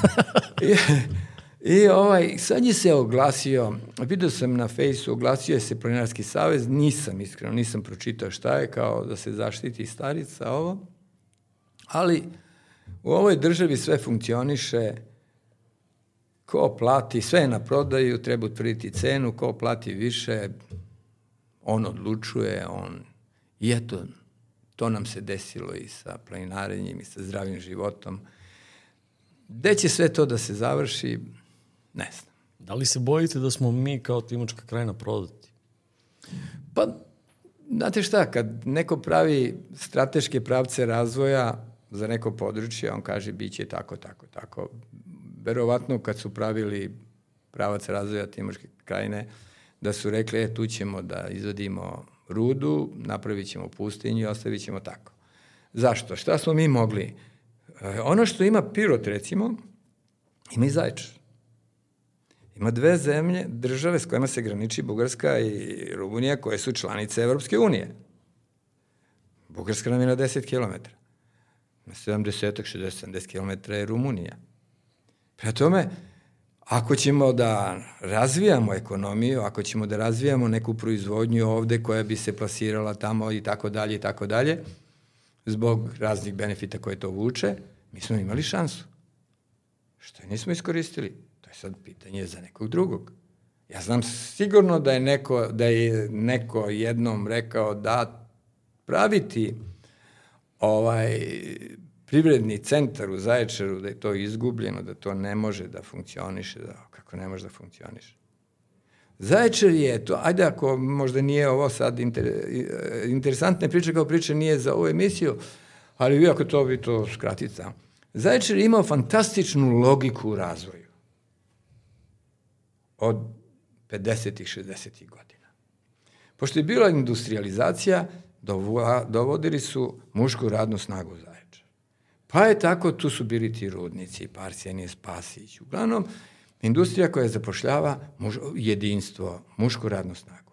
Međutim, ti ljudi su poveli svoje žene. Pa se postavio problem, a šta ćemo s njima? E, sad ćemo da napravimo Timočanku, KTK, KTK. ne znam ovo ono, koja će da upošljava žensku radnu snagu. Pa ti ljudi treba nešto da jedu. Pa evo, imat ćemo klanicu, pa ćemo žitopromet pekaru, pa mlekaru, pa će oni da povuku selo. Pa su ljudi proizvodili, imali isto čarstvo. Danas, kad idem to po tim planinama, sam ja sam nedavno bio u jednom selu tu ispod Upižnice i razgovaram sa meštininom i on kaže 14 krava ima, Marinovac, 14 krava ima u selu. Od toga ja imam četiri, jedan čovjek ima osam i dvoje ima po jednu kravu. A svi smo kupovali taj marinovački sir. Pa se, ljudi su proizvodili, bavili se stočarstvom, nisi imao klanicu, imao kome da se proda. Zaječarska timo klanica je snabdevala NATO pakt konzervama. Bila je jedna od tri klanice u Jugoslaviji koja je imala licencu, dozvolu za izvoz, ne znam, Sirmijum, Timokio za izvoz u NATO pakt i tako dalje. Pa i mlekara je bila jedna. Pa mlekara, mlekara, ja se sećam.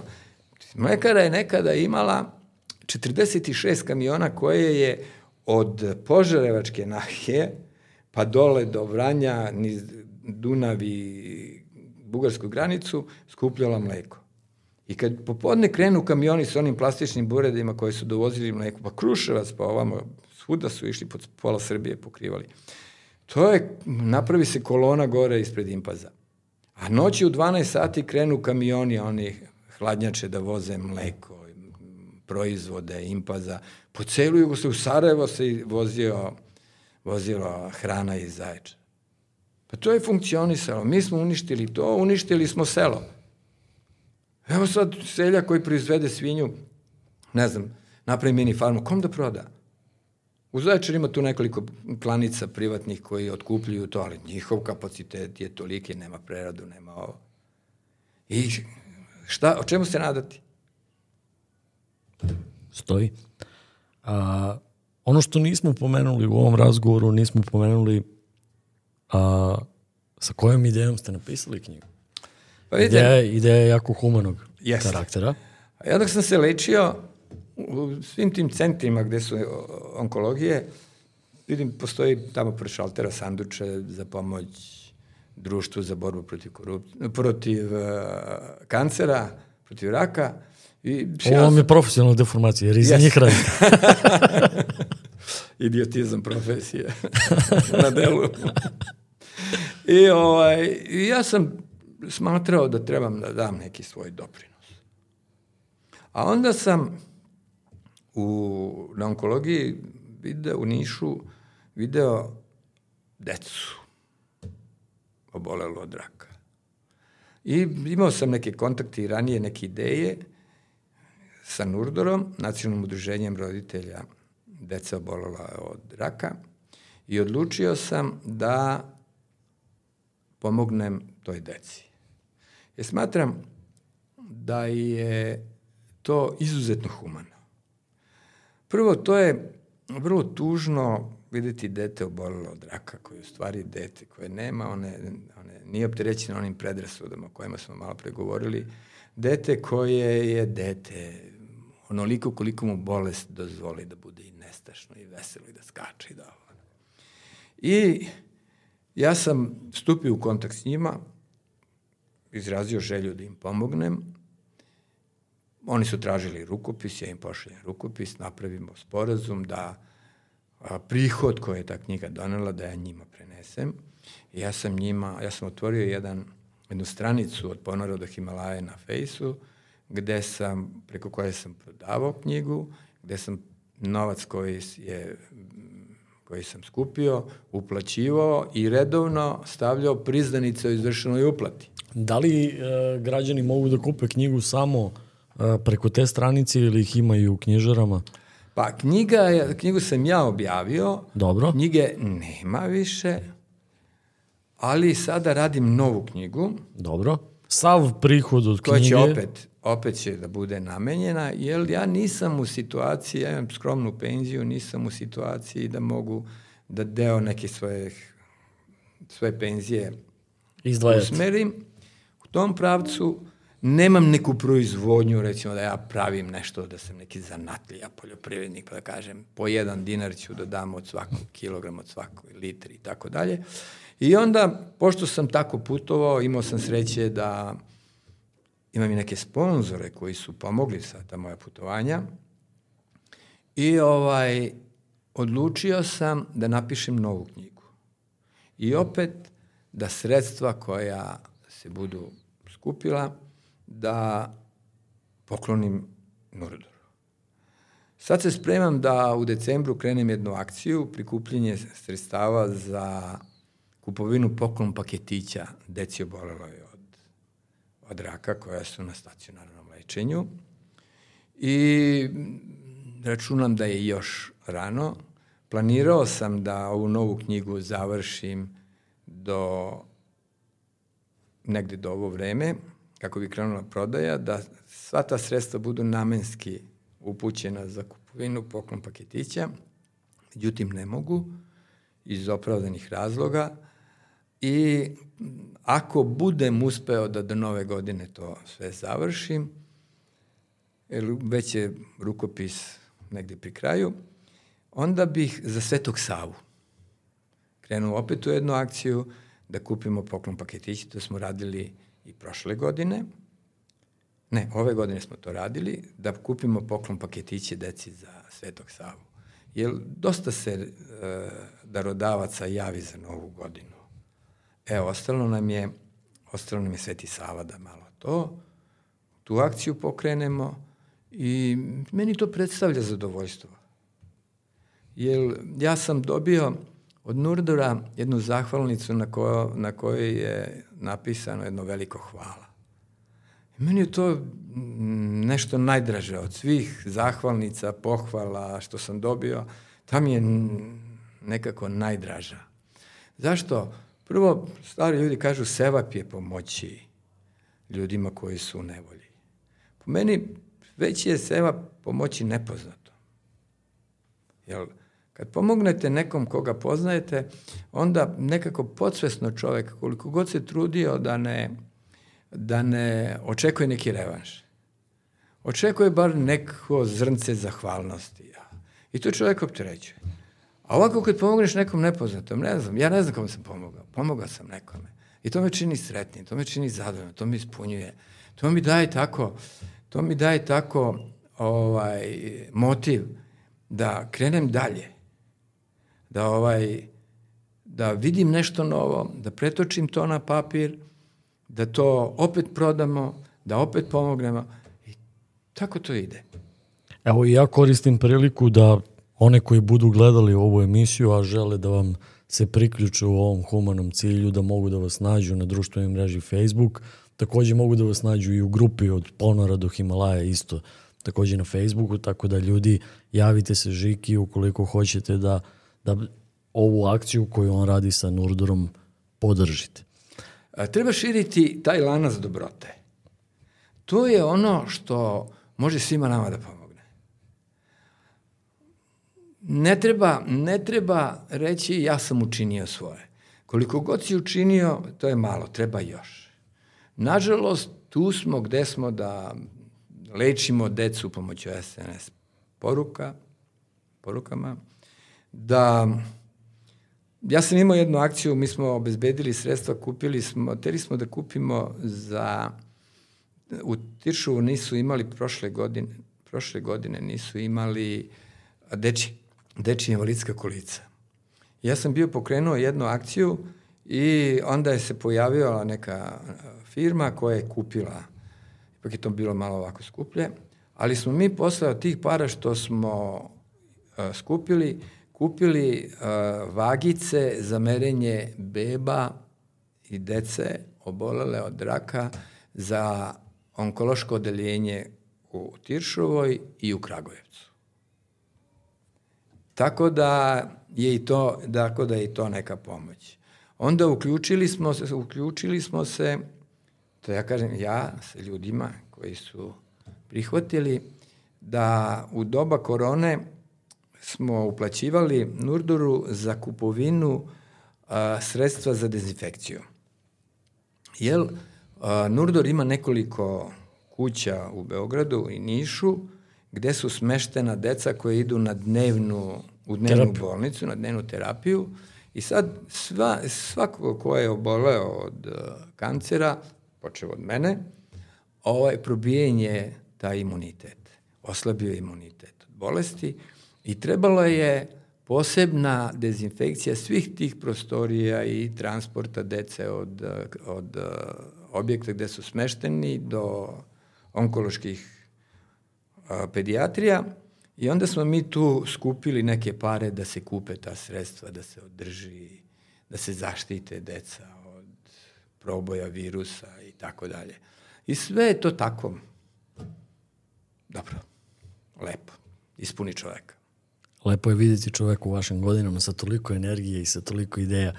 Mene interesuje, vi ste A, pretpostavljam jedini zaječarac koji, koji se popeo na, na Elbrus, jedini zaječarac koji je verovatno bio i na base campu na Mount Everestu. Kažite mi koliko je grad kao grad vama izlazi u susret u tim vašim ekspedicijama, pa možda i u ovom humanom radu koji radite? Pa vidite, ja sam, gdje god sam bio sam iznao zastavu, gradsku zastavu. Grad, zastavu grada i zastavu Srbije. I obiljivo slike i na Elbrusu se nalazi zastava. Bila je prošle godine, nalazi se zastava koju sam ja ostavio gore na plafonu, gde piše grad Zaječar. I posle Elbrusa sam stekao status sportiste nacionalnog ranga. Do ove godine sam bio jedini sportiste nacionalnog ranga koji ima taj status u Zaječaru. Ove godine je još jedan momak to pravo ostvario. On je ovaj teretano što drži osvojio je bronzenu medalju valjda na tako da smo sad nas dvojica ovde u Zaječaru nosioci tog tako tako dragog priznanja. Ali grad kao grad, ja mislim da grad to ne smatra. Nije to nešto posebno da bi na bilo koji način to podržao. Čak zašto, i neka društva... Zašto, zašto li čujem ja ironiju u vašem glasu? čak i neka društva čiji sam ja bio član su imali problem sa onim redovnim finansiranjem i tako dalje, ali nije to meni problem. Problem je možda u tome što bi to bio način da se propagira jedan zdrav sport. I zdrav način života. Zdrav način života način kako da izvedemo decu, da ih odvojimo od kompjutera, kako da ih izvedemo u, ovaj, u prirodu. Mi imamo divne entuzijaste koji, to su učiteljice neke iz, ovde iz Zaječara koje vode neka svoja odeljenja, ali nije to e, sistemski urađeno, nego zavisimo od, do, od određene doze entuzijazma jednog čoveka Ja sam, radnika, ja, što nije u redu. Ja sam igrao slučaja na, na nagovor su, supruge, sam učestvovao u Timočkom maratonu ove godine, u pešačenju i video sam koliko je to ljudi, koliko je entuzijasta i, i upravo ovo što pričate, bilo je tu i nastavnika koji su vodili svoju decu i onako i druženje je lepo i mislim, stvarno... Ali je tu sad problem, vidite, uh, Nastavnik je sada odgovoran ako se nešto, ne daj Bože, desi nekom detetu. Ne idu oni, ne idu oni na neke zahtevne vrhove. Da. Međutim, može da se desi premor, može. Premda mi pokušavamo da uspostavimo logistiku, mi odrasli, pa ako neko se dete umori, da ga podržimo, da ga prevezemo, da mu pomognemo i tako dalje. Ovaj, da se osjeti sigurnim. Ali sve to nekako nije organizovano. Ne stoji iza toga Sportski savez programom. Sad ćemo da radimo u septembru to, pa ćemo da odvedemo decu. Ima jedna divna... Vi ste meni postavili jedno pitanje, pa vam ja sad vraćam to pitanje. Koji sistem ovde funkcioniš? Nijedan. Ajde onda neka da se nadamo da će da bude nekom prilikom neko jedno bolje. Kažite mi šta, šta planirate u, u nekoj bliskoj budućnosti, sem Ništa. pisanja knjiga? Ništa? Ništa. Ništa. Jedva kad smo se rastajali, sad kad smo došli iz, ovoga, iz uh, Irana, iz Persije, i bili smo na jedan dobar ručak tu na Novom Beogradu, u jednoj kafani, i sad planinari iz Hrvatske idu na jednu stranu, makedonci na zapad, makedonci na ovaj na jug, rastajemo se i postavlja se pitanje gde ćemo. Ja kažem, ja nigde. Sad kad sam izvukao glavu sa, sa živu glavu sa Damavanda, a Damavand je jako opasna planina. To je planina koja je visoka 5610 metara, to je poluživi vulkan. Na vrhu izlazi sumpor, sumporno brdo se zove vrh, izlazi sumpor i M nema kiselnika, E, mi imamo sumpor. još ima sumpora, sumpor dioksid. Ne znaš šta je gore, ali to smo savladali. Gore ovo drugo. Molim? Gore ovo I drugo. jedno i drugo. Ma Radio sam u topionici, znam. E, bravo. I ovaj, ali ovo je žuto brdo, sneg, okolo sve je žuto od sumpora. Tu idu ovi domaći i skupljuju sumpor, meštanim, prodaju sumpor. I, ovaj, I sad mi pričamo šta daju. Krvene računajte, tamam posla.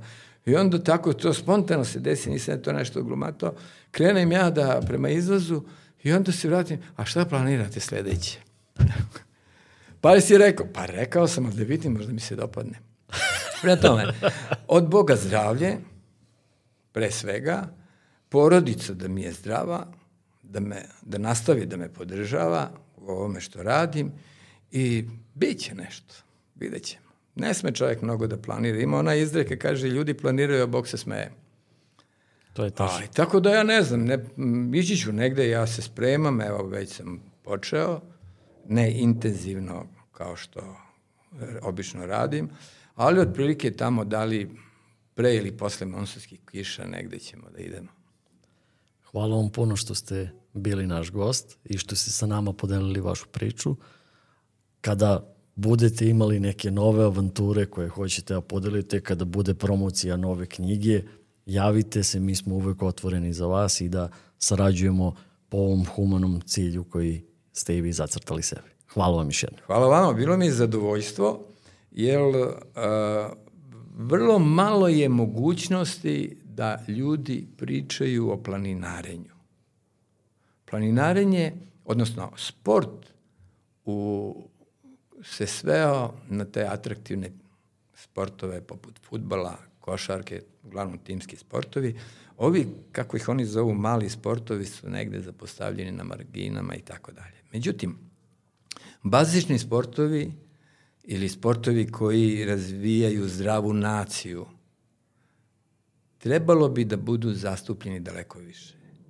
Ja ću biti srećan ako mm, jedno dete, jedan čovek, posle bude poslušao ovaj razgovor, nam se pridruži sredom ili nedeljom, na ne, su vikendom na neku našu akciju koja ima tu tih pešačkih, turističkih staze, nisu sve visokogorske gde vreba, ovaj, razređen vazduh i visinska bolest i smrt i tako dalje, nego ima lepih staza. Ja sam sada išao prošle srede u, ovaj, na Sokolovicu dole, Meander Timoka. Nešto gde se čovek ne mora da se oznoje, ali provede jako lep dan, pojede sendvič, popije sok, divi se lepoti, nadiše se svežeg vazduha, vodu nećemo da diramo, jer je ova Borska, Borska reka već Učinila svoje. učinila svoje, ali je sve ostalo lepo. A to je tu 30 km. Porodica neka ode sa decom, da provede tamo popodne, pa je to. Rgotski kamen, evo ovde, koji je 10 km. Prelepo, čovjek ne zna, da ne pričamo o planinama kao što su Stol, Veliki Krš, Veliki Krš, Srpske Alpe, kako ih je Jovan Cvić nazvao, prelep venac koji čo, gde može čovjek da uživa i da pešači i da se muči da bi se popeo i ako hoće adrenalinsku stazu, ima i adrenalinski staza. Ako hoće samo da, mu, da provede dan na nekom lepom mestu, dakle se opet mnogo vidi kad se okrene u krug pa vidi se cela Timočka krajina do Dunava dole. Karpati se vide u Rumuniji. Hvala puno. Molim? Vidimo se sledećom prilikom. Biće prilike, nadam se.